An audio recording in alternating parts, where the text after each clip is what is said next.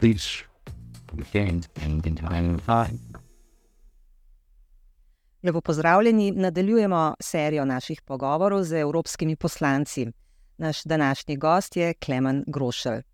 Lepo pozdravljeni. A, ta pogovor snemamo 1. decembra. Da povem, uh, včeraj, da smo aktualni, uh, smo lahko brali o dveh smrtih, ki sta različno seveda, uh, odmevali. Eno je slavni, legendarni irski roker Shane McGowan, drugo pa uh, tudi slavni uh, bi rekli, politik uh, Henry Kissinger. Verjetno, kakšen odziv, morda prav na, na Henrija. Ne, bo, ne bom vas morila z glasbo, ampak s politiko pa. Moram priznati, no, da mi, mi rok ni bil vedno nekako zelo blizu, čeprav poslušam različne zvrsti glasbe. Ampak moram priznati, da rok mi ni rekel, nekako sedel v dušo. Bom rekel, poslušam glasbo različno, glede na razpoloženje. No, Henry Kissinger je gotovo, bom rekel, neka geopolitična, diplomatska ikona zahodnega sveta. Jaz bi rekel, je pač politik formata, ki useblja na eni strani na nek način vse dobro in vse slabo, kar je bilo v času hladne vojne in potem tudi v obdobju po koncu hladne vojne, čeprav njega, njega predvsem zaznamovalo obdobje vietnamske vojne, kjer je on bil ključen akter. Teda je, tako kot pri vseh teh velikih imenih mednarodne diplomacije, imamo pozitivne, imamo negativne kritike, oziroma pozitivne kritike. Torej, Kakšna je vaša, recimo, če se lahko opredelite? Henry Kissinger posebja obdobje, ko so se Združene države Amerike na eni strani znašle v globoki krizi po, zaradi vojne v Vietnamu in tukaj z svojimi tudi kontroverznimi metodami, predvsem s to metodo korenčka in palice, zaradi katero zaradi te palice je veliko ljudi to plačalo življenjem, predvsem v Kambodži, treba izpostaviti. In potem, kar se je v Kambodži zgodilo z rdečimi kmeri in poli smrti in tako naprej, to je vse posledica te njegove politike. Res da je z Ameriko je končal vietnamsko vojno. Um, je pa tudi človek, ki je odprl zelo pomembno poglavje ameriško-kitajskih odnosov, to moramo vedeti. To je bila velika geopolitična prelomnica v drugi hladni vojni. Je pa tudi človek, ki je po drugi strani začel tako imenovano strateško popuščanje, detant med Sovjetsko zvezo in Združenimi državami Amerike, prvi sporazumi o ne omejevanju, ampak bom rekel, ja, rekel omejevanju, se pravi, tako imam salt, ena salt, dva, vem, da večina gledalcev se tega niti ne spomni, niti ne pozna. To so bili prvi temeljni sporazumi, ki so omejevali takrat res v 60-ih letih, 70-ih letih, v začetku 70-ih letih divjo jedrsko božovalno tekmo. Torej, Treba je povedati, da je bil, dobil je Nobelovo nagrado za mir, ne, kar je za marsikoga bilo grozno, ne, ker marsikdo ga vidi kot vojnega zločinca. Ne ne smemo pozabiti njegovo, jaz bi kar uporabljal ta izraz mesarjenje, potem po Latinski Ameriki, ne? kaj je tam počel. Ja, torej, ja. to govorimo o Čilu, predvsem Čile, Pinočevo, državni udar. Grozljivo, ne? To je grozljivo. Ja. Torej, ja. veste, to je tako kot pri vseh teh politikih. Tudi Churchill, če gledamo ne, na eni strani zmaga v drugi svetovni vojni, v drugi, na drugi strani je zelo konzervativno politično stališče do pravic žensk. Recimo zgodba, z, ki je malo znana za Galipoljem v Turčiji, pokol um, avstralskih in novozelandskih vojakov, ne, ki so umirali za manj v tem bojišču. Torej, veste, vse te velike politične osebnosti, tudi naš, ko ni ti to, v končni fazi to vidimo, dnevni politiki, tudi imajo, bom rekel, pozitivne in negativne vidike in to jih tvori kot te zgodovinske osebnosti. Če se zdaj eh, preselimo kar naprej s to temo na Bližnji vzhod. Ne? Kako, bomo, kako bo zgodovina sodila Netanjahu? Um, kako vi pravzaprav Jaz vas bom kar konkretno vprašala, glede na to, da ste poslanec Evropske unije. A, kako vidite vlogo Evropske unije v vsem tem zdaj času od napada, te zadrege, bi rekla, zadrege že pri dikciji? Ne? Kako imenovati stvari, da ne, ne bi nikogar užalili, se vam zdi tako previdna in v bistvu zgleda kot zelo na nek način impotentna politika EU eh, koristna? Če je impotentna, potem je težko biti koristen. Zdaj, Evropska unija, tukaj se je pokazalo vse tisto, kar omejuje Evropsko unijo pri njej, njeni geopolitični vlogi. Zdaj, tukaj komisija von der Leinove se je sebe imenovala, da je to prva geopolitična komisija in pri tem, zdaj bom rekel, mizerno pri Gazi, mizerno padla. Tukaj se je pokazalo vse te notranje politične, kulturne razlike, ki obstajajo med državami članicami, med različnimi politikami znotraj Evropske unije von der Leinovo in tudi nekatere druge nemške politike, seveda, zaznamuje tisto, kar smo danes lahko spremljali. Pravzaprav danes lahko spremljamo, se pravi ta globoka zgodovinska krivda zaradi holokausta in kar se je dogajalo med drugo svetovno vojno, in to seveda bo vedno zaznamovalo nemško zunanjo politiko. In seveda tukaj von der Leinova iz tega okvira enostavno ne more. Ne? In tudi v drugih državah, članicah Evropske unije, je ta pogled na to, na to krizo zelo različen. Recimo, ko zdaj ravno govorimo o tem, na nizozemskem pomemben del, morda en izmed pomembnih razlogov, zakaj je prišlo do tega vzpona skrajne desnice, je tudi ta, ta reakcija na dogajanje v krizi, ki je del nizozemskega prebivalstva, volilnega telesa, negativno presenetil in so zato podprli ta skrajna politična, desna politična uh, gibanja, ki so zelo jasno podprli Netanjahovo politiko, kar je seveda tudi vezano na njegovo ideološko bližino. Ne, ne smemo pozabiti, Netanjahu je skrajno desni politik, ima vlado, ki jo tvorijo zelo skrajne, celo versko temeljene stranke in pomeni na nek način neko deviacijo od izraelske demokracije, ki jo nekoč pač so laboristi in likud zaznamovali ne, v tem prostoru.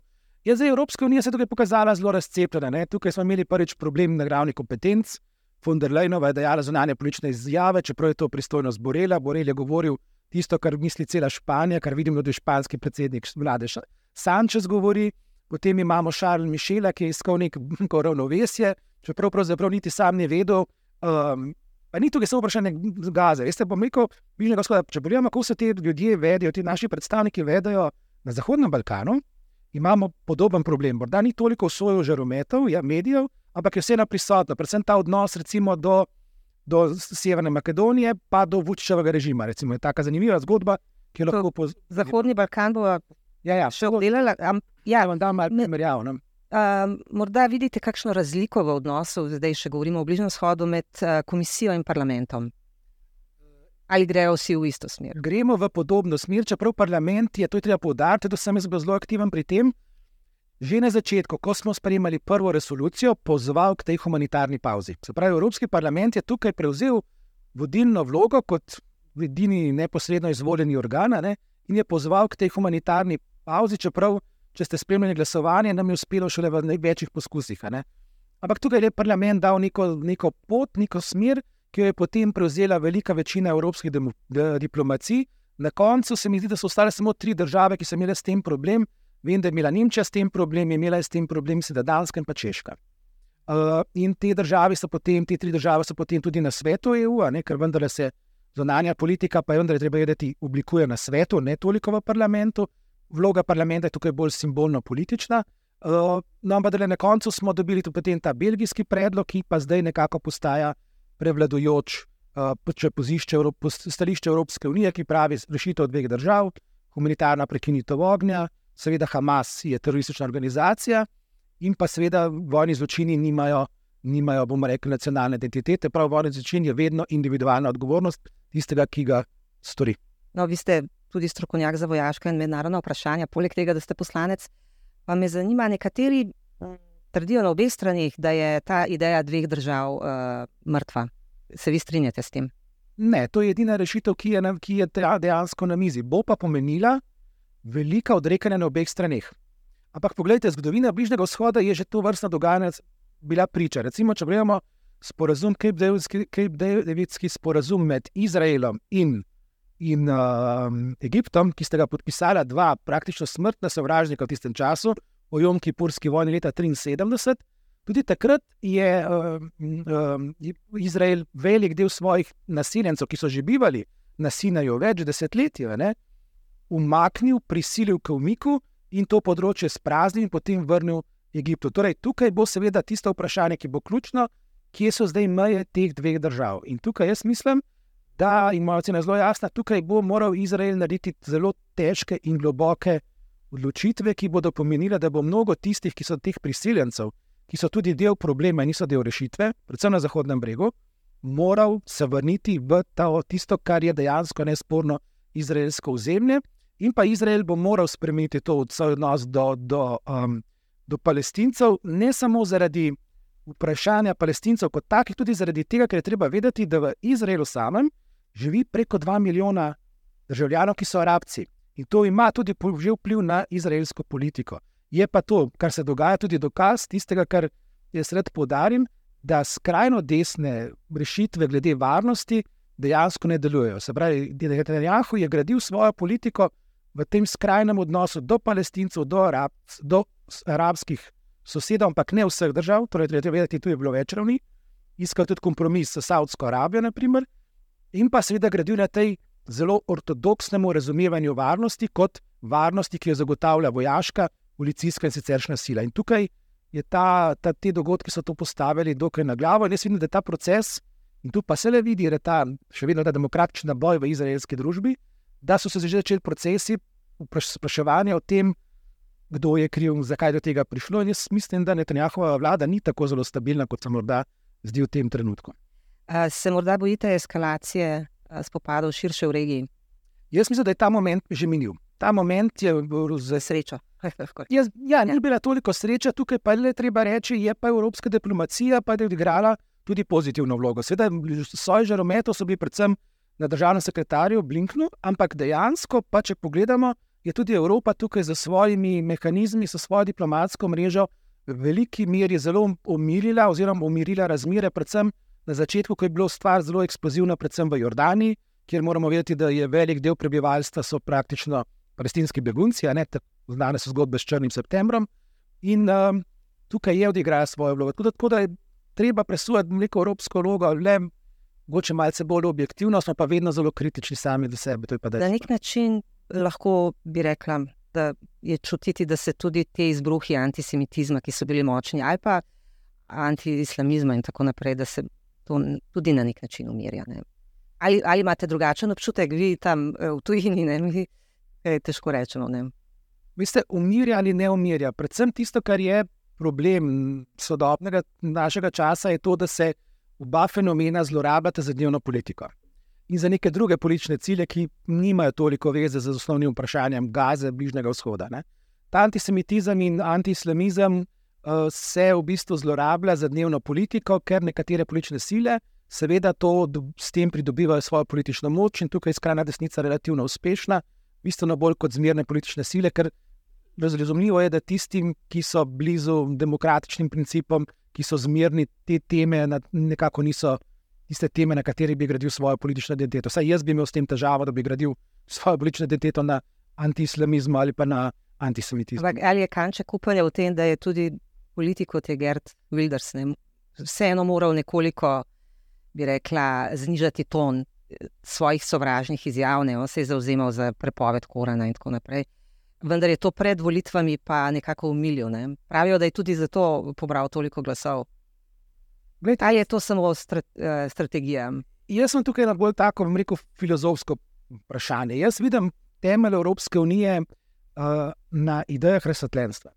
Ideja razsvetljenstva, na ključnih idejah razsvetljenstva je ločitev religije od države in pa odprtje političnega prostora novim idejam.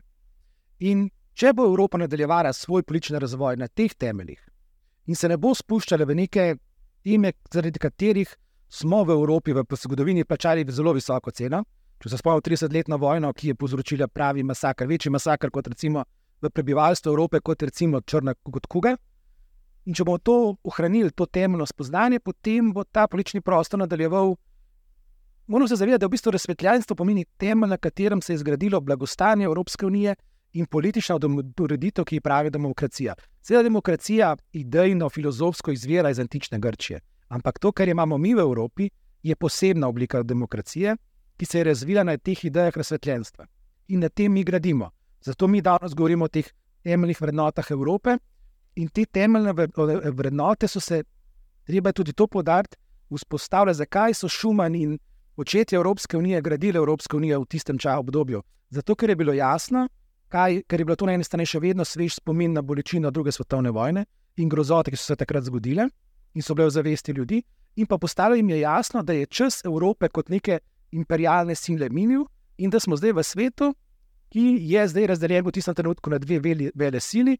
In recimo kot zanimivost, no, da ne bo rekel, da sem posebno kultiviran človek, Peter Ustinov, znani slavni igralec, on je bil velik zagovornik UNICEF-a in UNESCO, bil tudi ambasador, bil je znani igralec, če ne vem, če mogoče kdo se spomni Ben Hur, tam je igral norega Nerona, rimskega cesarja, On je rekel, ne, ko so ga vprašali, zakaj zagovarja, in to v Veliki Britaniji, so ga vprašali, zakaj zagovarja vstop Evropske unije, v Evropsko unijo, takrat v Evropsko gospodarsko skupnost. Je rekel, zato, ker se moramo odločiti, ali bomo vsaj nekako spodoben akter, ali pa bomo v tistem času bili osem teniških žobic.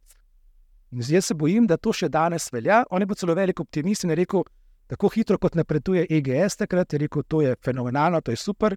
Jaz bi rekel, da napredujemo počasi, ampak vendarle napredujemo. Ja. Imamo pa seveda prav blizu še eno vojno, uh, to je Ukrajina, pa bi samo morda um, bi rekla, da je že malo pozabljena vojna na nek način. Ne? Mediji smo se zdaj preusmerili drugam, ampak vseeno, brala sem, uh, da ste vi recimo upozorili na, uh, da lahko pride do pomankanja orožja, kratko malo. Potem so tam neke številke, toliko raket proizvede, eksplozivnih sredstev in tako naprej, Amerika, toliko Evropa, toliko jih postreljajo Ukrajinci. Ne? Uh, bi rekla, vojaška industrija si ima roke, verjetno, ne, ob vseh teh številkah, ampak um, kam se vam zdi, da bo šla? Dve leti bo. Ne? Ja, približujemo se drugi obletnici, ja, že ja. dve leti tukaj.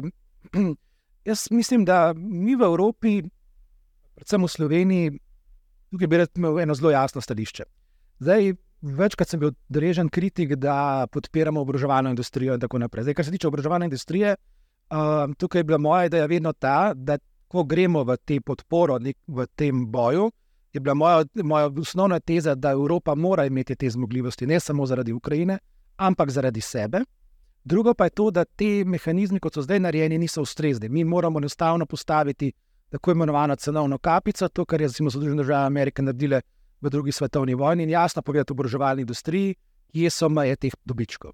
To je edina pot. Dokler tega ne bomo naredili, se bomo vedno pogovarjali o tem, koliko je teh streljiv, streljiva ali bomo dosegli obljubljene številke, ki smo jih dali Ukrajincem. In tukaj se mi zdi pomembno, da to izpolnimo, to obljubo in to zavezo do Ukrajine. Zakaj?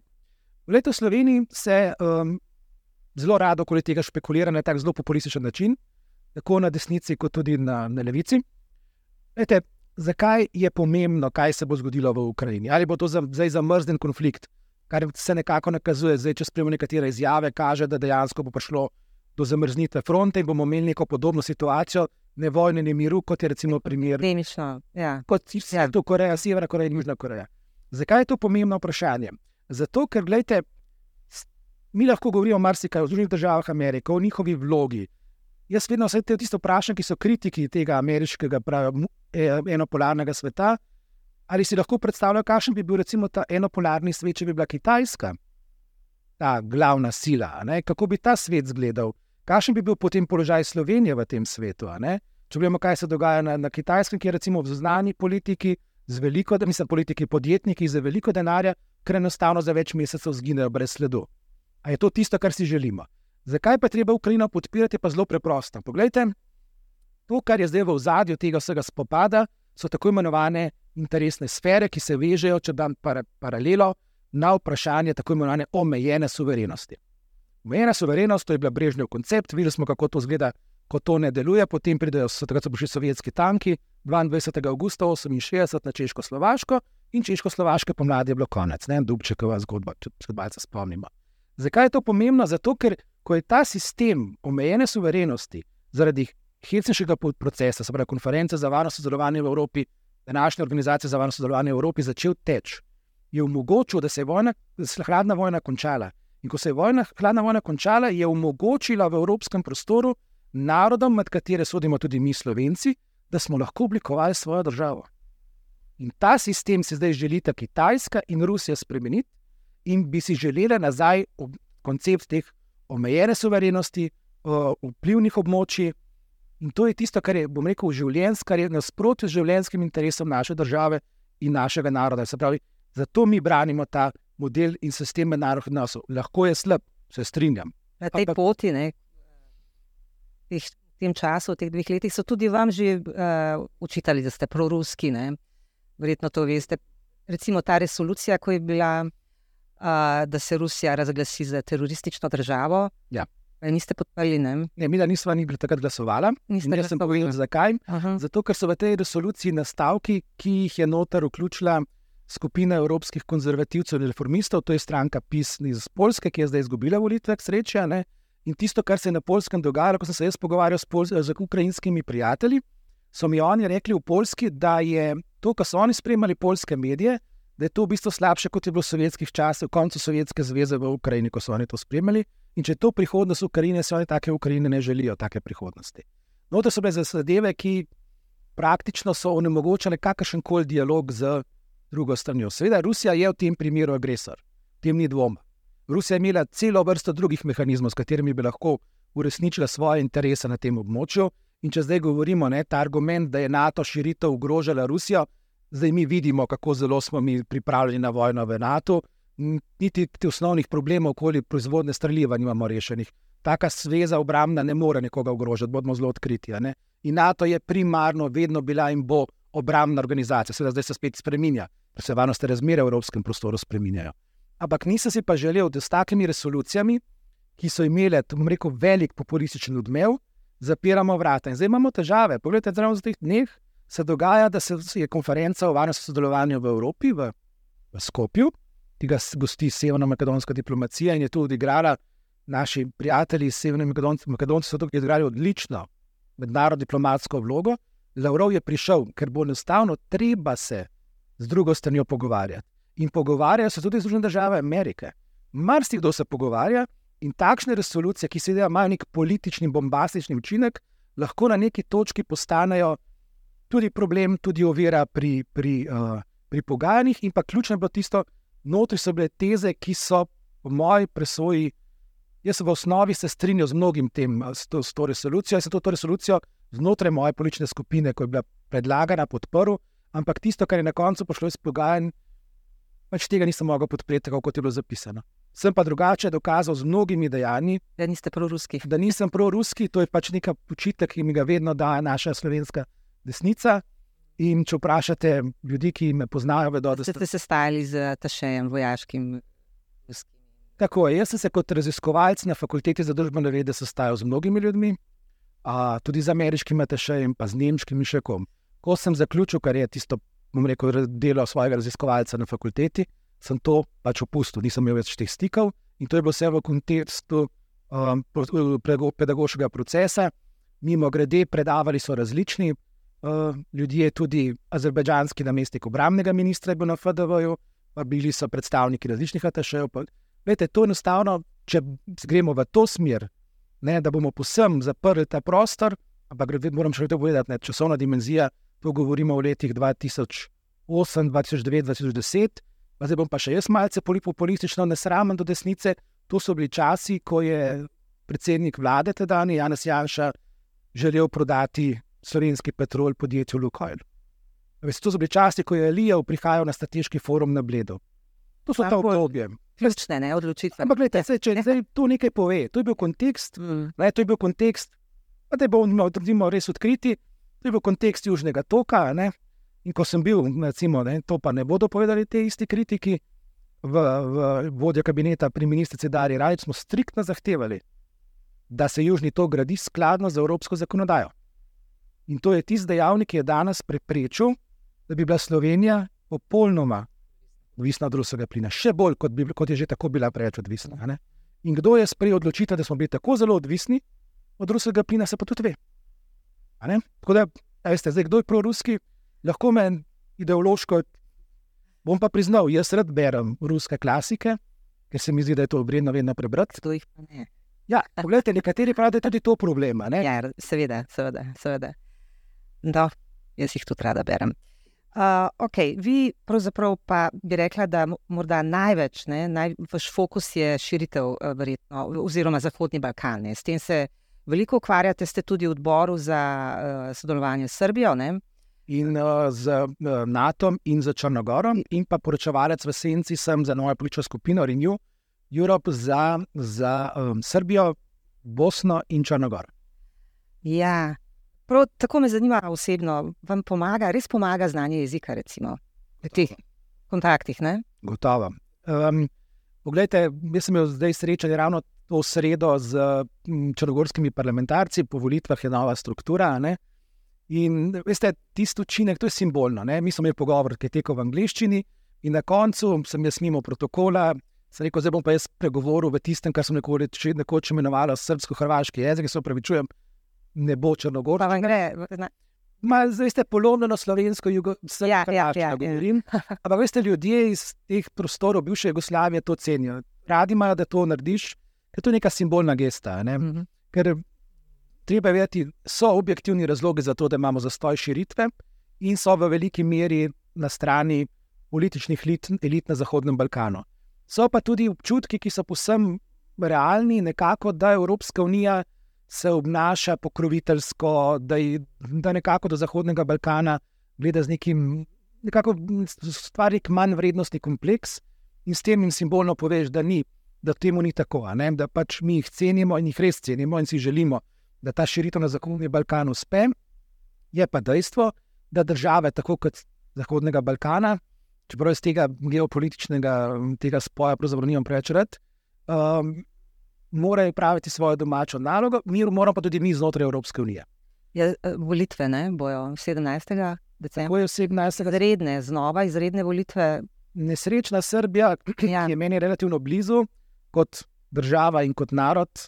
Pustimo, kaj si jaz mislim o predsedniku Vučiću, o njegovi stranki, njegovem političnem sistemu. Um, je sopet, grejo sopet na volitve. Pravzaprav jaz ne pomnim, da so bile zadnje redne volitve v, v, v Srbiji. Ja. Zadnje izredne so bile aprila 22. Tako jaz sem opazovalec tako Ja. 21 in bom tudi zdaj.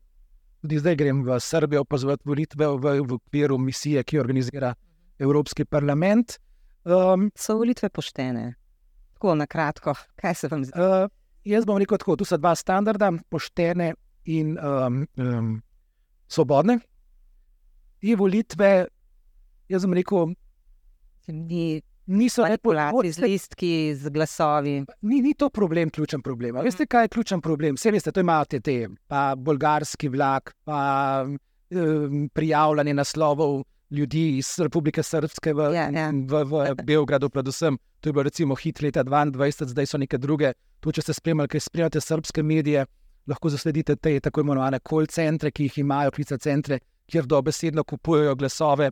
Um, ključen problem je, jaz vedno pravim, volilni proces. Res je pomembno, kdo šteje na koncu glasove, ampak zelo pomembno je tudi tisto, kar se dogaja prej. In v Srbiji je dejansko popoln nadzor nad mediji tisto, kar je ključna težava. Ne? Vi imate dva medija, torej časopis Danas, potem imate N1 kot N1. in pa še nekatere manjše Mm. medije, ampak veste, doseg teh medijev v srbski javnosti je zelo majhen. Prevladuje pa tista tabloidna uh, mentaliteta, tako v tiskanih medijih, ki so v Srbiji še vedno zelo pomembni. To je treba podariti. To je malce razlika, recimo, mogoče z tem evropskim prostorom, recimo z prostorom naše vzhodne sosede, če glavno omenimo v tem kontekstu, in pa tudi, seveda, medije, ne, se pravi, elektronskih medijev. Tu je, jaz mislim, da je to Pink TV velik problem, pa tista Happy TV, Ja. ki, kjer je nivo komunikacije nikakršen, ampak tisto, kar je pomembno, to je, vsi ti mediji dajo zelo jasna politična sporočila, ki preferirajo stranko eh, predsednika Vučiča. Ne vidite opozicija, Dragan Džilas, recimo, uh, kdorkoli, Ja, opozicija seveda ni zdaj brezmadežna. Ne, tudi jaz, brez jaz, Ja, želim, da ljudje gledamo na, gledajo na nas na politike kot ljudi. ne. Mm. Nismo popolni, nismo tudi ne idealni, pač smo takšni, kakršni smo. Ampak tisto, kar je pomembno pri srpski opoziciji, da imate znotraj teh tudi nove stranke, nove politične misli, ideje, ki prinašajo v ta prostor um, neko sveže ideje, nove poglede na razvoj Srbije. In tisto, kar je pomembno, zdaj so se povezali. Tako da zdaj, kot povezana opozicija, imajo možnost, da pridejo v večjem številu v Narodno skupščino v Beogradu in da potem morda začne nek proces spreminjanja Srbije. Ampak tukaj bo, veste, Srbija, mi, mi pozabimo za Zahodno-Balkansko državo eno zelo pomembno zadevo. In to v Evropi sem jaz vedno podaril vsem komisarjem, razen komisarju Varhelju, ki pač ima svojo agendo, ki ni evropska in je bolj mačarska. Uh, in to lahko tudi dokažem v končni fazi, da govorim tri dni. Um, ključno je razumeti, da ko govorimo o zahodno-balkanskih družbah, so to postkonfliktne družbe. Postkonfliktne družbe zaznamuje na eni strani vojna travma, iz vse te države velja, nekateri bo rekli, Albanija ni, pa se spomnimo, kaj se je dogajalo po propadu piramidnih schem, koliko ljudi je umrlo, koliko ljudi je utonilo, ko so bežali iz Albanije na jug Italije. Imate spomenik v Tarantu o tem, če kdo pozabi. Um, no, in vse to so postkonfliktne družbe, ki imajo neke specifike. Zelo pomembno je to, da v teh družbah pomembno vlogo, nažalost, igrajo strukture moči, ki so povezane z politiko, ki so povezane z organiziranim kriminalom, z vsem tistim, kar je značilno za konfliktne družbe. In tega te družbe niso razčistile, ker to enostavno ne morejo. In tukaj mislim, da je Evropska unija tista, ki lahko pomaga. In moja ideja recimo, je bila, ki je tudi komisija podprla, pa je potem ta že omenjeni komisar zelo ostro nastopil proti. Rekl je, da ste idioti, ne poslanci. Tako je, mi smo za njega idioti. Ideja je bila preprosta. Bolejte, moja ideja, po mojem pismu, ki je podprlo veliko število poslancev, kolegov, je bila, da bi Evropsko javno tožilstvo, ki smo ga oblikovali in igra pomembno vlogo v protikorupcijskem boju v znotraj EU. Vest, poznamo slovensko zgodbo za tožilce in imenovanje tožilcev, tudi to ne bi bilo na ključe. Uh, no, bolejte, ideja je bila, da bi pristojnost tega tožilstva, ker govorimo o državah kandidatkah, razširili za evropska sredstva, se pravi za sredstva recimo predpristopne pomoči IPA-3 na te države, da bi lahko tožilstvo imelo tudi svoje imenovane tožilce v teh državah, ki bi se ukvarjali predvsem z zlorabami evropskih sredstev. In kaj je bila ideja? Ideja je v tem, da s tem začneš proces preoblikovanja pravosodja v teh državah. In potem sprošiti širše družbene spremembe. Se vam zdi, da, da si Vučić sploh želi dejansko, de facto, vstopa v EU? Um, On ne. Ne, ne. On ne, zato ker on ima dva problema. Zdaj Evropska unija, oziroma Zahodni svet, predvsem Združene države Amerike, tukaj od njega pričakujejo, da bo rešil kosovsko-srbsko vprašanje, se pravi, ureditev odnosa med Kosovom in Srbijo. In tega on nikoli ne bo naredil, ker to je sam na eni strani tako spolitiziral, da je to postalo vprašanje, ki ga bi morali, po moji ceni, nekako enostavno zamrzniti. Doseči nek sporazum, kjer bi rekli, da je status quo, kjer bi bilo močne varovalke v tem, da je to še vedno prisotnost kvorja, Euleksa, da se zavaruje srpsko manjšino na severu, oziroma srpsko manjšino nasplošno, in da se garantira tudi iste pravice za albansko manjšino v dolini Prešova, in da ima potem nek status quo, tako imenovano, da nastopi neke vrste, to je v pravo znano, pa tudi v mednarodnih odnosih, tako imenovano obdobje ohlajanja, cooling off obdobje, da se te zadeve strasti pomirijo in se potem pristopi, hkrati se pa obema državama omogoči in odpre ta evropska pot. Uh, on pa ve, In to vsi vedo na Zahodnem Balkanu, vsi ti politiki, ki imajo tudi vpliv na slovensko politiko, kot lahko spremljamo v zadnjih ugotovitvah preiskovalnih komisij, uh, da ko se začne ta pristop, proces približevanja Evropski uniji, proces vključevanja, seveda se družba se začne spremenjati in v tako spremenjenih družbah zelo verjetno za njih ni več prostora. In tega se oni odlično zavedajo, zato jim je blizu to, kar ponuja komisar Varheli in v zadju Viktor Orban, seveda ta tako imenovani zahodno-balkanski investicijski fond, se pravi vlaganje v infrastrukturo. In vse to je prav. Jaz sem tudi za to, da se vlaga v infrastrukturo, da jih povežemo bliže k sebi, k Evropski uniji. Ampak seveda, dajmo to narediti tako, da ne bo na koncu neznano, kam je izginilo veliko denarja. Ker običajno se ta denar uporabi pravno zato, da te strukture, ki na eni strani rušijo to evropsko pot, se financirajo skozi koruptivne kanale, ravno s tem evropskim denarjem. Mačarska je vedno bolj problem. Ne? Znova, Šarl uh, Mišel je bil je v Budimpešti, mislim, da je šel včeraj, kako malo na razgovore. Ne? Ni samo uh, Zahodni Balkan, tudi Ukrajina, ne? Svoja politika, kaj uh, Urban uh, se sprašuje, ali je zmaga Ukrajine sploh še realističen cilj. Uh, zdaj bo vrh, kaj pričakujete? To bo Ja, jaz bi se že napeto, ne, decembra. Bo napeto, jaz mislim, da bo tu na koncu vendarle tudi spreten kompromis, kompromis, ki bo gnil. Jaz mislim, da bo del teh sredstev, teh 28 milijard, ki so zamrznjene za Mačarsko v okviru tega. Da bojo odmrznili. Jaz se bojim, da jih bojo odmrznili, zato ker enostavno drugače imamo preveliko tveganje vezano na Ukrajino. In mislim, da tukaj bo na koncu sprejet na vkljub protestom mnogih izmed nas v Evropskem parlamentu, da bo to na koncu ta gnil kompromis sprejet. Zdaj Mačarska, veste, Mačarska, problem Mačarske je v tem, da ideologija, ki jo širi pravzaprav Viktor Orban, je ideologija, ki lahko vrne evropski kontinent nazaj v leto 45, oziroma nazaj v tisto, kar smo že doživljali v 20 in 30 letih. Jaz zelo rad podarim, ko le neformalno, zdaj bom pa tudi za slovensko javnost povedal. Jaz da je zgodovinsko obdobje, ki je najbolj usodno za čas, kar se je dogajalo potem, pa druga svetovna vojna, ni tisto 30 leta, 30 leta, ko Hitler in te sile pridejo na oblast, ampak dejansko 20 leta. To so tam 20 nora leta, so rekli, ne? po koncu velike vojne, prve svetovne vojne, se je svet odahnil in takrat, ko je bil svet tako zelo sproščen, ko je bila gospodarska rast, ko so ljudje živeli v relativno dobri, visoki stopni blagostanja, so se začele pojavljati že skrajne ideje. Ne? Takrat se je začela ideja je začel Hitler svoje, da je Mussolini da že praktično prevzel oblast leta 22. In takrat je treba v teh družbenih procesih iskati korenine in temelje tistega, kar smo potem doživeli v 30 letih. Ne? In zdaj, zakaj? Ker pogledamo, kaj recimo zdaj Mačarska sprejema zakon o zaščiti suverenosti države.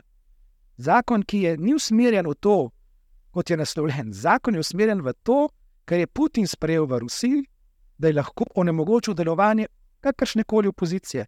In tukaj je isti cilj. In to je pa tisto, kar zdaj ruši Evropsko unijo od znotraj. Tem je pa še nagrajen za to, ne? je res težko razumeti. Ne? Ja, razumeti je ja. o tem, da veste, Evropska unija zdaj. Tukaj na konferenci, to je pomembno, tema bila znotraj uh, tega mandata, tako imenovana konferenca o prihodnosti Evrope. Ljudje, naši ljudje in evropejci na splošno dojemajo Evropo kot državo. Evropa pa ni država in Evropa ni mednarodna organizacija. Evropa, to moramo vedno podariti, je nek svojevrsten, um, svojevrstna struktura, ki je res ekskluzivna v globalnem merilu in mnogim gre na živce, to je treba vedeti, ker je zgodba v uspehu. V bistvu je, če gledate zgodovino človeštva, Evropa bila vedno tisti kontinent, ki je bil najbolj nemiren, kjer so non-stop divjali ali državljanske vojne, ali meddržavne vojne, feudalne vojne, kakršne koli vojne. Ogromno ljudi je tem, na teh naših nesrečnih prostorih umrlo. Posebej Balkan. Ne? Tudi Balkan. Bore Baruta, ne sodsmo ja, nekaj knjiga. Ja, zgodovina. Recimo, Združenega kraljestva ustavili, da so državljanske vojne nekaj standardnega, naslednje ja, vojne. Ja, ja. Da, zdaj, Evropska unija je to stabilizirala. In zdaj te ideje, ki jih pač Orban tukaj ponuja, seveda so všečne so populistične, ampak tisto, kar je pomembno podariti, praktično ne rešujejo ničesar. On ne ponuja rešitev, on tako kot skrajna desnica identificira probleme, ko mu zmanjka teh problemov, identificira nove. Ampak tudi v Bosni in Hercegovini ima svojo, ne verjetno. Politiko Mačarska. Mačarska ima vpliv na politiko v Bosni in Hercegovini in preko Republike Srpske. Ja. Ima vpliv na politiko v severni, v, na Severni Makedoniji tukaj Grujevski živi v eksilu, v Budimpešti in ima vpliv tudi na volitve, primer recimo Slovaške. Ne? Slovaške volitve zdaj so bile hudo vplivane strani um, Orbana in Orban tisto, kar obtožuje druge, se pravi, recimo instrumentalizacije migracij, to se tudi on sam poslužuje. Ne? In tukaj recimo pritisk na Slovaško in prehodi meje in tako naprej, to je imelo vpliv ne? in pa tudi sicer medijski in siceršnji vpliv. Treba tudi vedeti, da na, Mađar, na Slovaškem živi močna mačarska manjšina, nekje okoli 250 tisoč ljudi živi, mačarskega porekla. Da, tu so kar zanimive zadeve in jaz si želim, da ne gre Evropa v to smer prihodnost, ki jo pač ponuja Orban, ker tam smo že bili in ve, vemo, kako se je končalo. Mimo grede, uh, nekdani predsednik Borod Pahor ustanavlja inštitut Boruta Pahorja za pomoč državam Balkana. Poznate to? Sem slišal za to. Ja. Imate kakšen komentar? Um, ja, jaz bom rekel tako. Um, Slovenija je na Zahodnem Balkanu med državami sprejeta še vedno kot zelo prijateljska država. Imeli smo to avanturo z tem tako imenovanim zelo glasnim non-paperjem, v katerem neuradno vsi govorijo, da obstaja, nihče noče uradno potrditi, da je obstaja, oziroma zelo svet EU se je tem nekaj nekako zapletel. Jaz sem, ki to povem, se hotel ta dokument dobiti od sveta EU in sem tudi šel do konca z vsemi temi vprašanji, ampak enostavno na koncu sem odnehal, ker enostavno svet ni želel um, tega dokumenta razkriti in je navedel, da je za to razloge so za to, da bi lahko grozilo, resno grozilo zunanji in varnostni položaj Evropske unije. To je pa argument, kjer potem te prvi kot parlamentarce ustavijo. Ne moreš več sprašovati. Dobro, lahko bi bila tožba na, na Evropskem sodišču, ampak tako daleč pa vendar. Yeah. Mislim, jaz želim si, da bo prispeval pozitivno v regiji, a ne Znane so nekatere njegove izjave o vprašanju o mirni dezintegraciji Bosne. Ja. Eh, to se lahko ja. ja, poglejte, mi smo imeli podobne norosti že prej. Ja. Smo, smo imeli Dobrico Čosiča, ki je govoril o, on se ni govoril o mirni dezintegraciji, on je govoril o mirni kohabitaciji in preselitvi ljudstev, ne, da je ideja, da se selijo Hrvati iz Srbije, iz Srbije in tudi dela Kosova, ker so še bili vedno mirno poteka, brez težav. Taka mirna selitev se je zgodila ja. z Indijo in Pakistanom. Ja, ja. Tam Armenija, Armenija Azerbajdžan in tako naprej. Ja, Gorski Karabah. Zadev, te zadeve ne morejo biti mirne. In, ja, ja, ja. in tudi ne vem, zakaj bi to naredili, ker v bistvu ravno to je dodana vrednost Evropske unije. ta vprašanja smo ravno z Evropsko unijo presegli. Ne? Pomembno je posameznik, pomembno je, da so posameznik lahko uresničuje vse svoje interese, vse svoje pravice v tem evropskem kontekstu, ne glede na to, bom rekel, na nacionalno pripadnost, versko pripadnost, um, spolno usmeritev, karkoli, da lahko človek enostavno to uresniči svoje interese. Tudi to je v bistvu ta ideja, ki sem na začetku omenil tega razsvetljenstva. To je osnovno sporočilo. Brala sem vaš intervju za objektiv in tam ste zelo pesimistični, vsaj v razbrati. Rekli ste, da je celovita slika grozna, ne? Glede vojn, spopadov a, v svetu. V svetu Zdaj, zanima me, lahko EU v tem postane močnejši globalni geopolitični igralec. Pa še rekli ste, da se lahko zgodi, da Evropa v prihodnje ne bo več lepa in prijetna Evropa, ampak bo tudi Evropa, ki bo uresničevala svoje interese. Kaj pa to konkretno naj bi pomenilo? Ja, bom razložil, bom poskušal razložiti na kratko. Um, glejte, Evropska unija je predvsem do sedaj gradila svojo identiteto na povezovanju z oziroma na notranjem trgu. To je bilo tisto osnovno gospodarsko povezovanje, ki je zdaj preraslo v politično. In zdaj je rezultat tega političnega povezovanja tudi to, da sem jaz evropski poslanec. Ampak po osnovi volitve evropskih poslancev so še vedno nacionalne volitve. Ne? Nimamo pa ne evropskih list, oziroma teh evropskih list, še vedno je to nacionalna, so nacionalne volitve. In to je nek kompromis, ki recimo deluje v Evropski uniji. Zdaj smo pa pred dilemo, kako naprej. Zdaj, Evropska unija v svetu je vedno sprejeta bistveno bolj, rekel, sprejeta pozitivno, kot pa se morda mi, Evropejci, mislimo o tem. V svetu vsi gledajo Evropsko unijo kot neko zgodbi, kjer so se narodi uspeli povezati, najti svojo kulturno identiteto, svojo skupno identiteto, ki jih veže in presegati vse tisto, kar jih je skozi stoletja ločevalo. In to je zdaj ta prijetna slika. Zdaj pa prihajamo v svet, kjer v bistvu velike sile, Združene države Amerike, Kitajska, Rusija, tudi Brazilija in še katera Indija bo malo stopila na ta oder, svoje interese uresničujejo dokaj brezobzirno, tudi mimo mednarodnega prava. In Evropska unija, kot neka kot struktura, ki temelji v osnovi na pravu, na pravni državi, na pravnih dogovorih, na pogodbah, se bo morala temu dejstvu prilagoditi. Izziv pa bo, da moramo mi, kot Evropska unija, znotraj sebe ohraniti vse tisto, kar nas bogati in dela v svetu zanimivo, zapravo ta naša demokracija, procesi odločanja, iskanje kompromisov in ne zastekanje v nekem ekstremi, ekstremizmu. Seveda, hkrati bo pa treba to zunanje politično državo spremeniti. To, kar smo videli v odnosu do Gaze, to je polomija. Tudi tisto, kar se dogaja zdaj vezano na Ukrajino, zdaj to naše umahovanje, tudi ni dobro sporočilo. Mi se bomo morali to poenotiti, ampak ne zato, da bomo nekoga nadvladali. To je treba razumeti. Ne gre za to.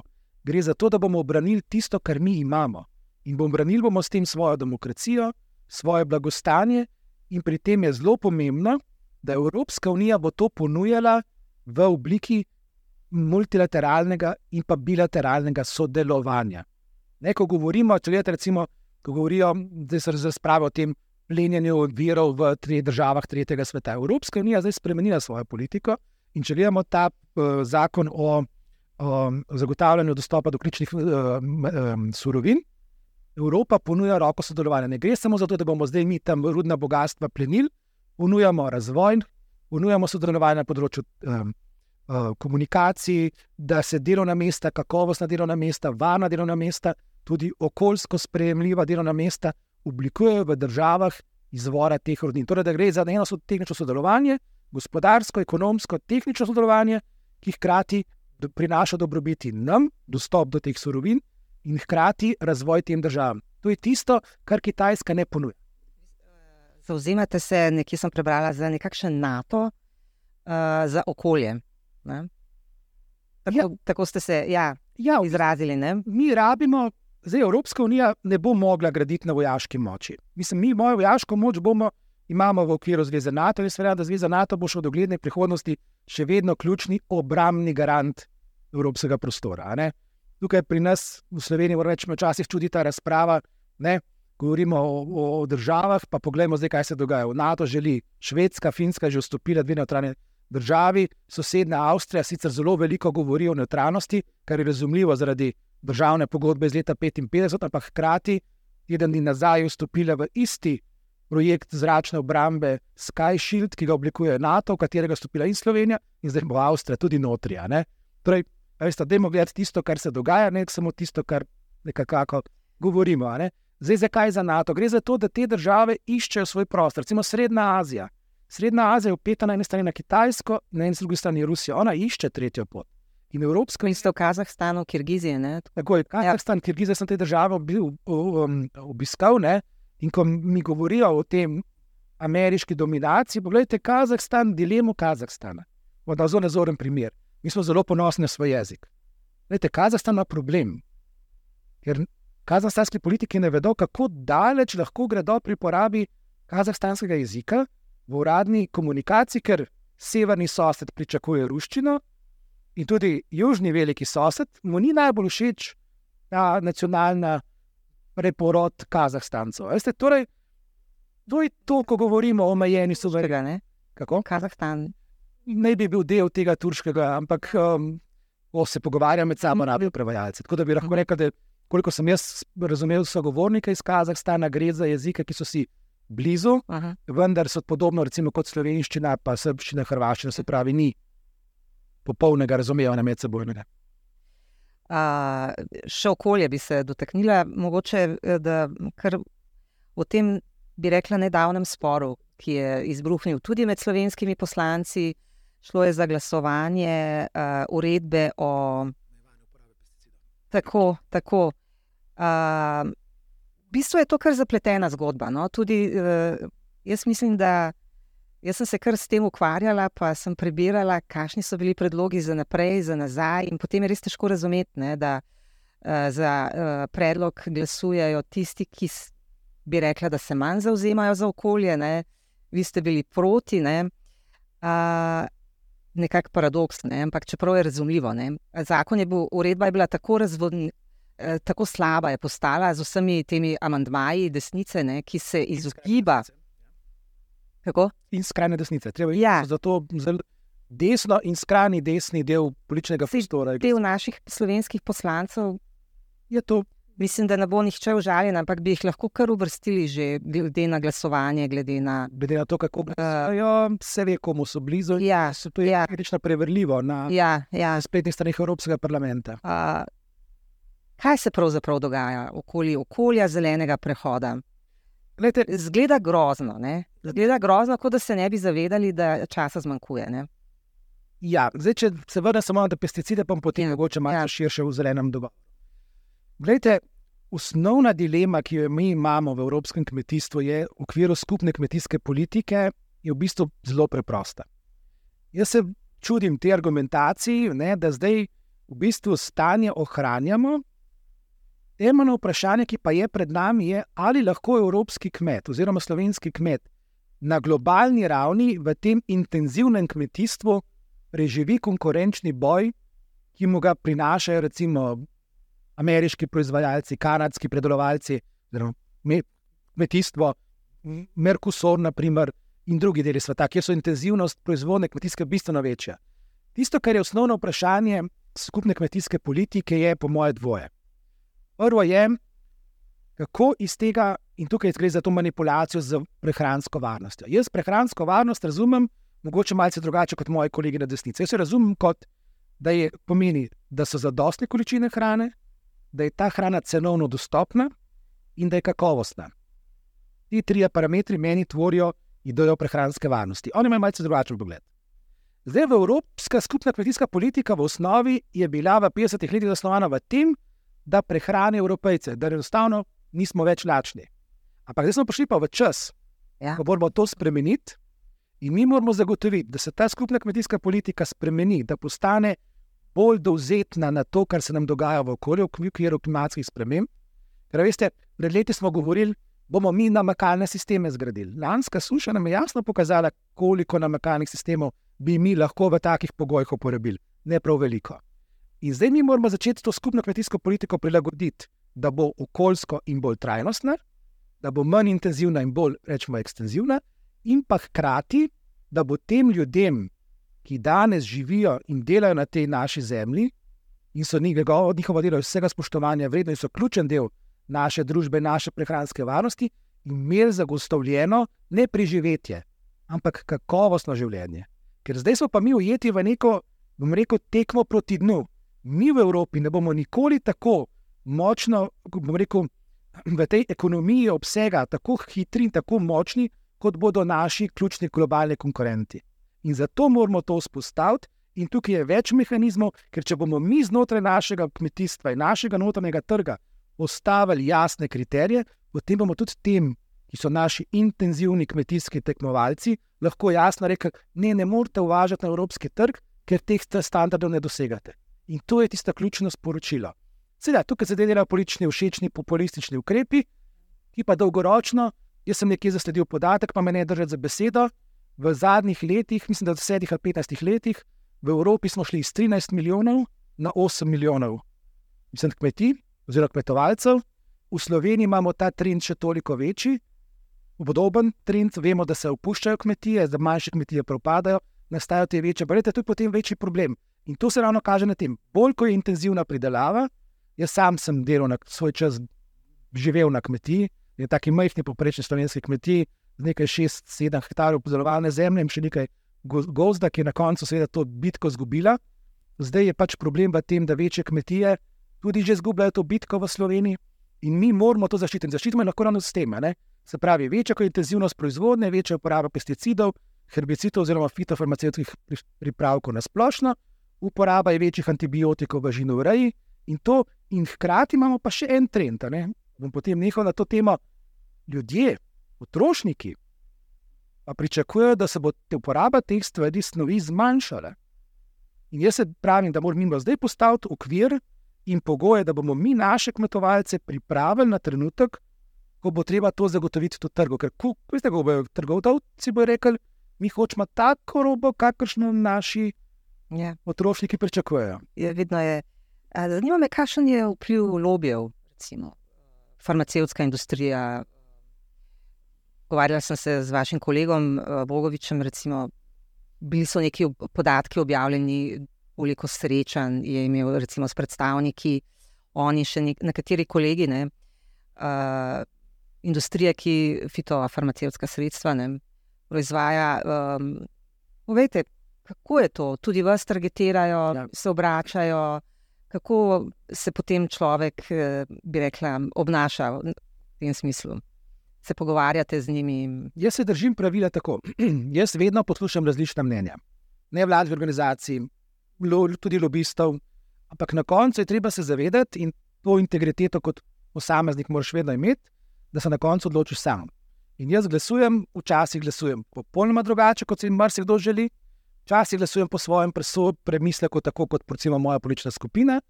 Predvsem pa vedno se vprašam dve stvari. In tukaj iščem kompromis med interesom, kljub temu, da sem evropski poslanec in bi mogel skrbeti za interese celotne Evropske unije, pa vendar malce bolj pogledam na slovenske interese. In tu, odkrito povem, veliko krat vprašam stalno predstavništvo v Bruslu, kakšna je naša pozicija, kaj oni menijo o tem, tudi pri marsikaterih pogajanjih vprašam za mnenje in to odkrito priznam, da to delam. No, in seveda na koncu si ti ustvariš svoje mnenje in spremeš odločitev. In zato glasuješ. In moji glasovalni listi, ki jih dobim od, jaz sem to prakso v svojem timu in to zelo odkrito povem, mi vedno pred glasovanji, tako na odborih, kot na, na, na, ku- na hierarhiji, gremo zelo podrobno skozi uh, vsako posamezno glasovanje in pogledamo, kaj je v Se ne morete zm- zmotiti, kot se dogajalo tudi, tudi našim poslancem, ampak pustimo to, zdaj pri drugih Ne, vprašanjih. ne, lejte, zelo tako, Ja. ja. ja, to je zdaj tiste zmo, so Ja. zmote in zmote. Uh-huh. Lahko se zgodi. Meni se je recimo zgodilo enkrat v enem glasovanju, da je enostavno glasovalna naprava odpovedala. Res je odpovedala, in pač potem so kasneje pač to reševali. Ampak uh, načeloma se držim tistega, v kar verjamem in kar mislim, da je tisto, kar je dobro za skupno javno dobro. Seveda imam pa stike, to objavim, vse stike objavim, skladno z pravili um, uh, Evropskega parlamenta, se pa držim enega osebnega pravila in to je pa železno in jekleno pravilo. In sicer, da se ne sestajam z lobisti izven prostora Evropskega parlamenta. Kdorkoli želi z mano govoriti, mora priti v prostore Evropske unije, Evropskega parlamenta in to naredimo na način, kot je skladno s pravili. Se pravi, vsakdo, ki vstopi, se registrira na, na, na recepciji in tudi pove, kam gre in zakaj prihaja. Ker to je potem tista transparentnost. Sem bil pa vedno, bom zelo kritičen do tega, to moram tudi povedati. Težava je z bivšimi poslanci, a ne, jaz sem bil tega tudi deležen, ko predvsem na začetku mandata je težko, veste, ko priješ v nov prostor. Jaz tudi, moram priznati, tudi nisem imel teh S izkušenj. bivšimi poslanci iz Slovenije ali Ne, iz Kile, Eh, posod. in se vam predstavi kot. Jaz sem pa bil še recimo podpredsednik Evropskega parlamenta, že z tega vidika ti spremeš sogovornika drugače. ne. Če bi on rekel, se bom pa jaz lobiral za tega pa tega, bi rekel, da hvala lepa, Ja, naslednji. ja, Ampak on pride in seveda se potem po parih minutah veš, kje si rečeš hvala lepa ja, ja. in se zahvališ za pogovor. Ampak to je en del tega problema in to se tudi pokazali pri tem Katargatu in zdaj to poskušamo, smo tudi poskušali rešiti z, z tem. Jaz bi rekel, da je večji problem, jaz tukaj bom pa, tukaj bom pa zdaj imel neko stališče, ki je tudi uh, malce zlorabljeno strani naše politične desnice, konkurence, je pa vprašanje vplivanja na komisijo. Tam pa bi jaz rekel, da bi mi morali zagotoviti, glede na to, ne, je treba vendar vedeti, da v bistvu komisija vse predlaga. Vsi zakonski predlogi, ki jih predlaga, jih predlaga komisija. Tam bi pa mi rabili malce več um, te, bom rekel, odprtosti, malce večje transparentnosti in preglednosti, kdo se je sodeloval pri pripravi strokovnih izhodišč. Se potem to evrokrati pišejo. In pa jaz bi si želel, to sem tudi vedno zagovarjal, jaz sem velik zagovornik hearingov na odborih. To je pa najboljši način, da se zmanjša vpliv teh lobijev, tukaj nas pa malce čas daje. Ne? Jaz bi si želel, in to sem dodal, ko je bila ta razprava o prihodnosti, o reformi Evropskega parlamenta, da bi evropski te, predvsem ti odbori, ki so pomenili, recimo odbor, za, ki sem tudi jaz nadomestni član ITRE, za industrijo, tehnologijo, raziskave, energetiko, ali pa recimo Envi in ti, ki so bolj vezani na industrijo in okolje, da bi tukaj imeli javne hearinge, kjer bi lahko potem povabili vse, industrijo, nevladne organizacije, okoljevarstvenike, pa ne oni soočajo mnenja, in tukaj se potem lahko postane, da zelo hitro ustvariš neko mnenje. Prvič vidiš, kaj so ključni problemi in kje se bodo iskali na to kompromisi. a ne. Je podpora tem predlogom? Um, za zdaj še ne, ker glavna težava Evropskega parlamenta tudi pri razpravah na plenarki je čas. Veste, če bi zdaj, nas je 705. Ja, ja. Zdaj, če vsak 705 bo imel diskusijo, če bom jaz govoril, kot vidite, rad, rad govorim 5 minut, 700 krat 5 krat 5 je to, ne vemo, ne, koliko časa bi to trajalo. Tako bi lahko. Vse se nekateri predsedniki, oziroma predsedujoči odboru, se kar trudijo. Bi tukaj pohvalil, recimo, našega romunskega kolega, ki predseduje odboru za industrijo, tehnologijo, raziskave in energetiko, ki kar pogosto organizira te hearinge. Vi se zauzemate za vodik in takšne tehnologije, jedrsko, je pa uh, opozarjate pa tudi, da se denar še vedno steka k fosilnim gorivom. Eh, Kako v tem kontekstu vidite tale vrh ne, v, v Dubaju? Mislim, Glejte, jaz sem zagovornik zelenega prehoda, zato ker jaz vidim dve stvari tukaj. Ena stvar je, seveda, klimatske spremembe in tukaj bomo vedno bolj soočeni z eno res grozno dilemo. In ta dilema je, ali vlagati v zmanjševanje, to, kar zdaj počnemo, se pravi, da se pripravimo, da ne pridemo preko tega pragu 1,5 v pariškem sporazumu stopinje, ali gremo bolj v smeri odpravljanja posledic. Razvoj stvari, dogodkov in vse, kar se nam dogaja, kaže to, da bomo v bistvu soočeni z obema zadevama. Da bomo morali na eni strani iti v to zmanjševanje izpustov, odpravo ogličnih izpustov, in hkrati bomo imeli stroške, ki bodo ogromni, soočanje z posledicami. Dejstvo je, da če na tem prvem ne naredimo nič, bo ta drugi račun toliko večji. Zapravi, tukaj imamo igro ničene vsote v najbolj brutalni obliki. Tisto, kar uh, jaz vidim tudi pri tem, je pa še naslednja zadeva. In sicer to, da jaz vidim zeleni prehod tudi kot en tehnološko-razvojni preboj, ki bo v evropskem prostoru in v tej globalni konkurenčnosti ustvaril kakovostna delovna mesta in dobro plačana delovna mesta. Ker če temu ne bi bilo tako, potem američani ne bi sprejeli Inflation Reduction, Reduction Acta, se pravi zakona o zmanjševanju in, inflacije, ki praktično je v bistvu največji v zgodovini ZDA največji subvencijski projekt, kakršnega koli so američani kadarkoli sprejeli, da pritegnejo na, svoj, na, svojo, rekel, na svoje ozemlje, v svojo državo, v ZDA, zelene tehnologije. In tukaj že imamo tekmo. Mi v Evropi moramo doseči, da bomo, kot rečemo, favoriti pri teh zelenih tehnologijah. Vem, da je ogromno kritik. Kritizirajo mnogi ugledni profesori, tudi v Sloveniji beremo marsikaj, kako neumni smo. Ne? In mnogi si o nas mislijo podobno, kot si misli mačarski komisar. Ampak poglejte, 20 let nazaj, ne? sončne elektrarne so bile nekaj, kar so je lahko privoščil, oziroma delal nekdo, ki je bil malce ekscentrika, malce nenavaden. Danes, gledajte Sloven, Slovenijo, koliko že teh elektrarn je, koliko imamo toplotnih črpalk. In ta tehnološki razvoj gre bliskovito naprej. Je pa res, da to pomeni, da nekatere stvari, ki so zdaj bile dogmatsko zapisane v nekih dogmah zadnjih sto let, se bodo spremenile. In če kdo gleda, kaj je Nikola Tesla pisal, ko je izumil izmenični tok, so zanimive stvari. In on je že takrat napovedal, da je elektrika tista sila, ki je nepredvidljiva, ampak bo gonila razvoja človeštva. In ko bomo mi to silo ukrotili, bo, bo človeštvo živelo praktično v energetskem izobilju. Električni avtomobili? Električni avtomobili, da, da. verjetno pa tako, ne samo električni avtomobili, tudi vodik ima pomembno vlogo. In jaz se hočem, sem želel ti prej podariti, pa da ne bom predolg. Jaz vidim, da bo šel vodik po poti, podobno kot so recimo šle sončne elektrarne. In vedno bolj, ko se pogovarjam z industrijo v Evropski uniji, vedno več je teh priložnosti, kjer bo vodik igral izredno pomembno vlogo. Vem, da zdaj govorijo, da je nekonkurenčen, da je to predrago, da je to procesno zelo zapleteno, ampak pogledajte, 15 let nazaj, 20 let nazaj, je dogma, ne dogma, pač tehnično dejstvo, da se vodik proizvaja z hidrolizo. Danes imamo že pirolizo, ki se uporablja za proizvodnjo vodika, in recimo v mestu Strasburg odpadke skozi pirolizo pridobivajo vodik, ki potem poganja mestne avtobuse. In tista naprava ni fiksna naprava, ampak je mobilna naprava. Torej, veste, tehnološki napredek je tisti, ki bo nas potisnil naprej, ne bo pa to čez noč. In jaz sem vedno bil zagovornik tega tehnološkega napredka. Seveda, pa tudi odnosi v družbi slediti, ne tehnološko napredko, ampak To je še za kakšno uro. A veste, kaj se dogaja zdaj z energetiko? Energetika je nekoč, pa dobro, je še vedno zelo centraliziran sistem. In zdaj to, kar pravzaprav prinaša na področju energetike um, in nove tehnologije, da se to zdaj bistveno decentralizira. Ni enega centra moči, če bi zdaj bil mal populist, bi rekel, da se energetika de demokratizira, čeprav to je zdaj tako ja, politično. Ja, zakaj pa ne? A veste, ljudje ja. postajamo vedno bolj, ja. rekel, energetsko neodvisni, samostojni. To pa seveda pomeni, da moramo mi spremeniti naše distribucijsko mreže, kar pa je Slovenija težava, ker vemo, kako težko pristanemo na to, da bomo sosedu dovolili, da nam zaradi enega novega kabla prekoplje naše ravno kar lepo urejeno dvorišče. To so izjemno pomembne teme, ampak eh, volitve so čez nekaj mesecev. Mislite, da bodo to sploh teme predvolilne kampanje? Občutek je, da bo glavna tema, da bodo migracije. No, kaj vi pričakujete? In da desnica tudi skrajna desnica že dela na tem. Berem recimo Weber, ki govori, mi moramo, uh, vaš kolega, poslanec ne, iz Nemčije, mi moramo že zdaj zaostriti vse, ker da ne bo potem skrajna desnica prišla, prišla pa uh, bi rekla, voljivce na ta način s temi svojimi.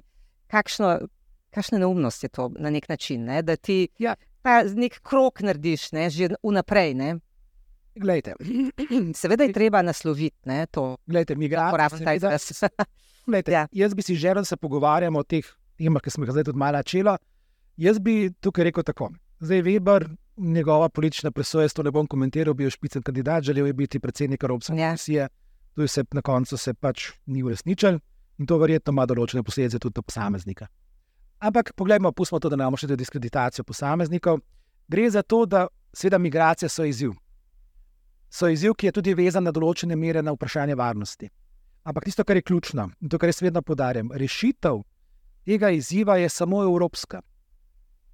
Mislim, ni rešitev v tem, da Mačarska postavi dvojno žico in potem to lahko uporablja za to, da potem pridejo ne, to, kar vidimo recimo na Gradiščanskem, pa to, kar vidimo na Slovaškem. Ne, kako lahko ti ljudje pridejo v obe državi, predvidevam, da čez Ukrajino ne potujejo, torej potem so prišli preko Mačarske.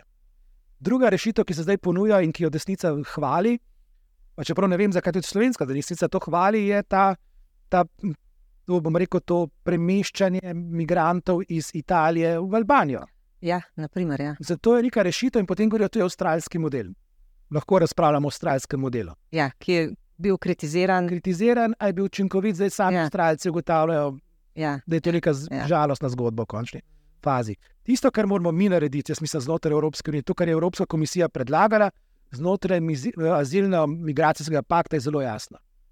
Mi moramo spostaviti sistem, ki nam bo omogočal nadzor nad tem, kdo vstopi v Evropsko unijo, bodi si legalno, bodi si ilegalno. Mi moramo vedeti, kdo so ti ljudje in zakaj prihajajo v Evropsko unijo. To je prvi korak.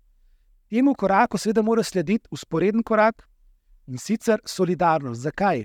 Zato, ker imamo mi soočamo se z dejstvom, da nekatere države, kot so Poljska, Finska, se soočajo z tako imenovanimi instrumentaliziranimi um, eh, migracijami, kjer recimo Rusija dobesedno uvaža ljudi iz držav Bližnjega vzhoda in širše, in jih potem na kolesih pošilja na finsko mejo. In to je neka nova kategorija. To niso ljudje, ki jim lahko po mednarodnem pravu rečemo, da so to begunci. In tukaj Evropska unija bo zopet, tako kot pogosto že prej, recimo pri digitalnih storitvah, urala pravno ledino. In moramo imeti solidarnost, zakaj? da se te države, da njihovi sistemi ne zrušijo pod tem pritiskom. In to nam mora potem omogočiti, da mi jasno, kot sem rekel, ugotovimo, kdo so to ljudje, zakaj so prišli in če so upravičeni, bodi se do mednarodne zaščite, in ali obstaja v državah članicah interes, da ti ljudje tukaj ostanejo. Če ne ostanejo, potem Evropska unija kot celota lahko bistveno lažje doseže repatriacijo, ki jo lahko potem kombinira z razvojno pomočjo. In sicer tako, to je tudi ideja, ki pa žal ni bila sprejeta na komisiji, da bi te ljudi, ki jih vračamo, uporabili kot nosilce razvoja v svojih domicilnih državah, in mi, Evropska unija, ki v okviru tako imenovane razvojne pomoči, ta indiči, ogo, to so te kratice Evropske unije, ki jih je cel kup, yeah. lahko bi njim preko njih začeli razvijati, to raz, plasirati razvojno pomoč in začeli tam gospodarski preporod v teh državah, ki so države izvora migracij, ki običajno niso demokratične, ki so globoko skorumpirane in kjer karkoli pravzaprav mi dol pošljemo, se na koncu v veliki meri zlorabljajo za posebno druge namene. To so rešitve, ki so na mizi. Seveda, zdaj pa tukaj so pa seveda potem blokade. Evropska ljudska stranka rada govori o tem, teh migracijah, hkrati pa recimo blokira eno začetek pogajanj ključnih zakonodajnih predlogov, ki bi pravno repatriacije urejala znotraj Evropske unije. Torej, to je dvojna igra, to je politična pa politična igra. Ljudje, seveda, volilke in volilci bodo pa na koncu presodili, komu bodo zaupali. Ja, občutek je, da je desnica zelo spretna, ne? ker uporablja kratke, enostavne stavke, veliko govori o varnosti oziroma nevarnosti, da so kriminalci. In je tudi občutek, da liberalne stranke, levica, pravzaprav nimajo tako učinkovitega, enostavnega odgovora na to. Seveda govorimo o nekem populizmu tukaj, ne? ampak populizem je lahko tudi pozitiven v tem smislu. Ne? Ne vem, ja. Te, kar ste razložili, stoji, ne? recimo, da so to zanimivi predlogi, ne? ampak ja, kako to posredovati, kako to prepričati. Ja. To je res, to je res. Jaz imam tukaj maj problem. Jaz nisem človek, bom rekel, uh, socialnih omrežij. Um, jaz verjamem v tisto bolj klasično, staro, tradicionalno politiko, kjer pač gremo bolj na to, da gremo skozi argumente, skozi razpravo in potem dobimo nek kompromis, ki temelji na dejstvih.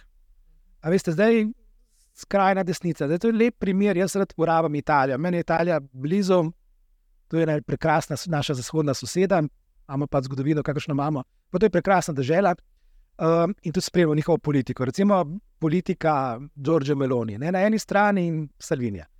In to naše, naši kolegi iz desnice zelo radi uporabljajo. Ne, na eni strani govorijo o zidu, o trnjavi Evropa, ne vedo čisto točno, kako bi to naredili.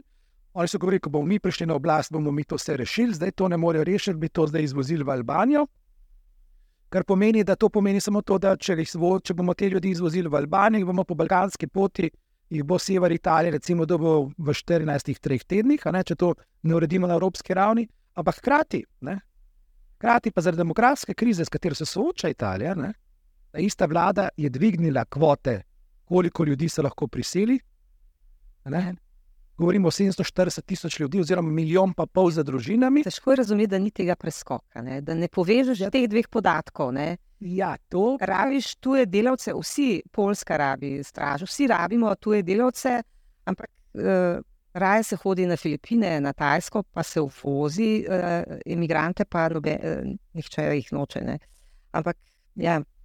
Uh, to ljudje enostavno, seveda, zakaj? Zato, ker sporočila z desnice so zelo preprosta.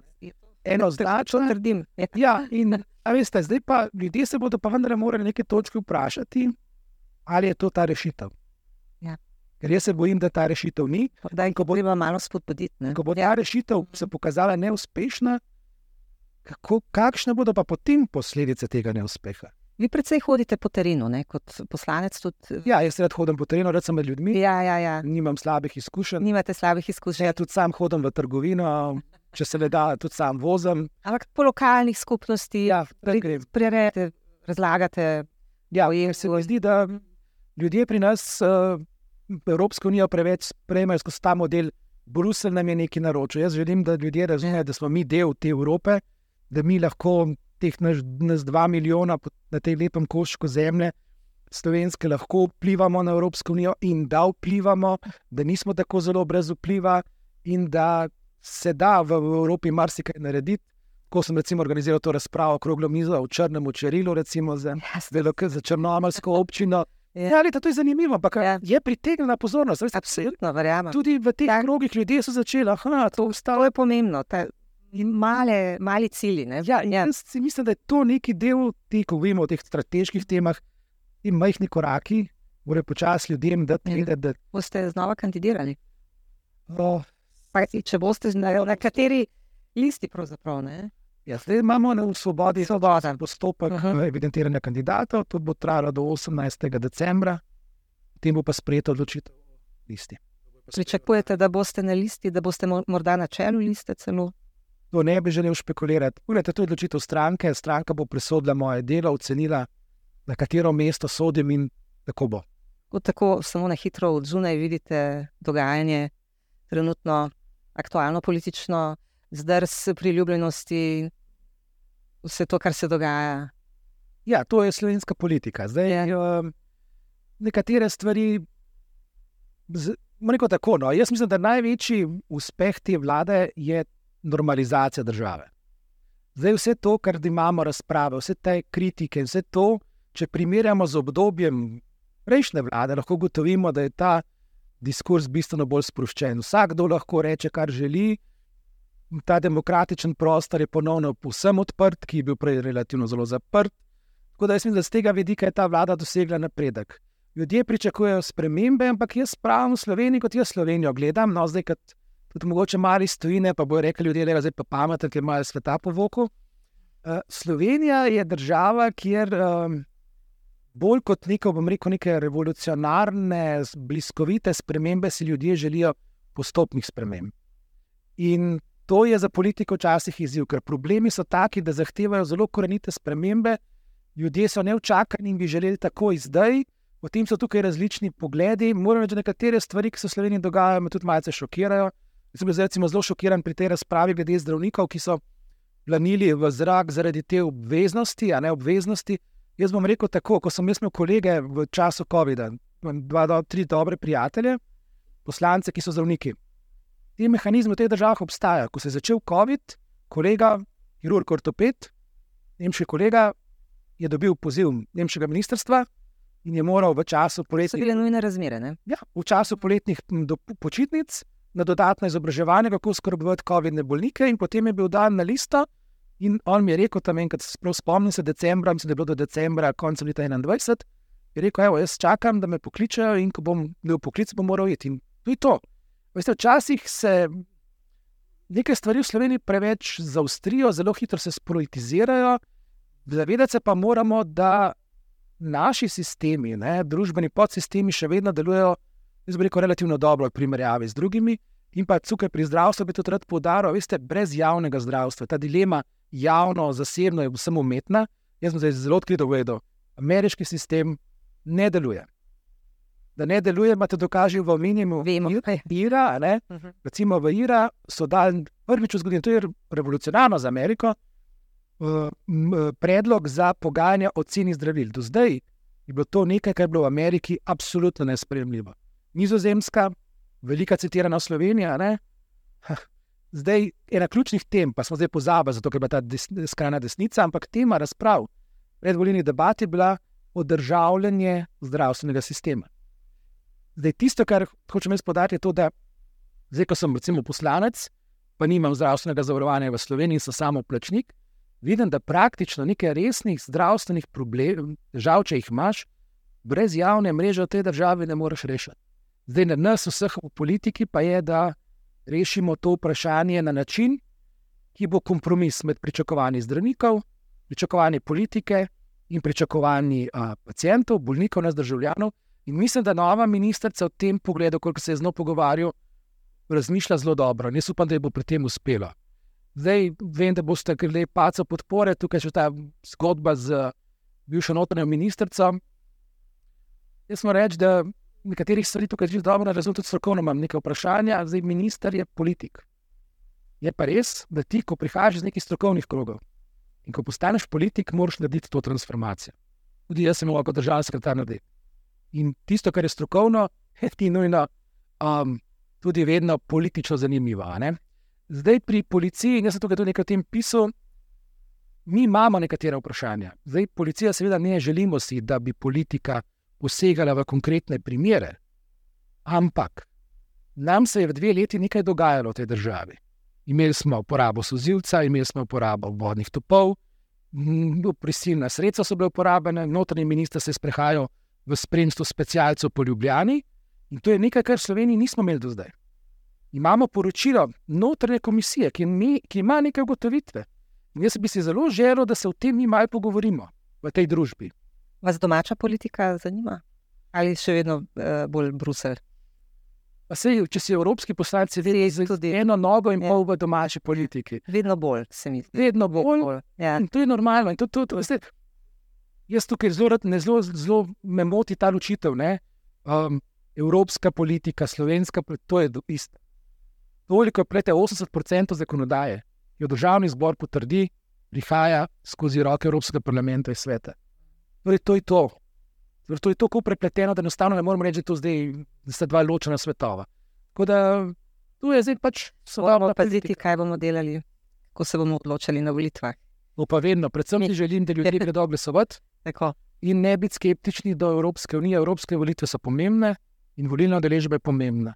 Naj ljudje poiščejo, jaz sem prepričan, da bo dovolj ponudbe, da bodo našli tiste ljudi, posameznike, politične stranke, ki jih bodo uspele zastopati njihove pričakovane interese. In, ampak ne gredo na volitve. Te, te volilne udeležbe, okoli 30 odstotkov, so nekaj, kar je. Ja. Predvsem na pomen, ki ga na koncu vendarle ima to, so po moje, meče do, dokaj nenavadno lučno na vse skupaj. Tako da bi si želel, da ljudje gredo voliti. In s tem sporočilom morda lahko zaključiva. Zahvaljujem se vam za obisk v našem studiu in hvala lepa. Hvala tudi vam. Mi se poslavljamo do naslednjič. Please. machine.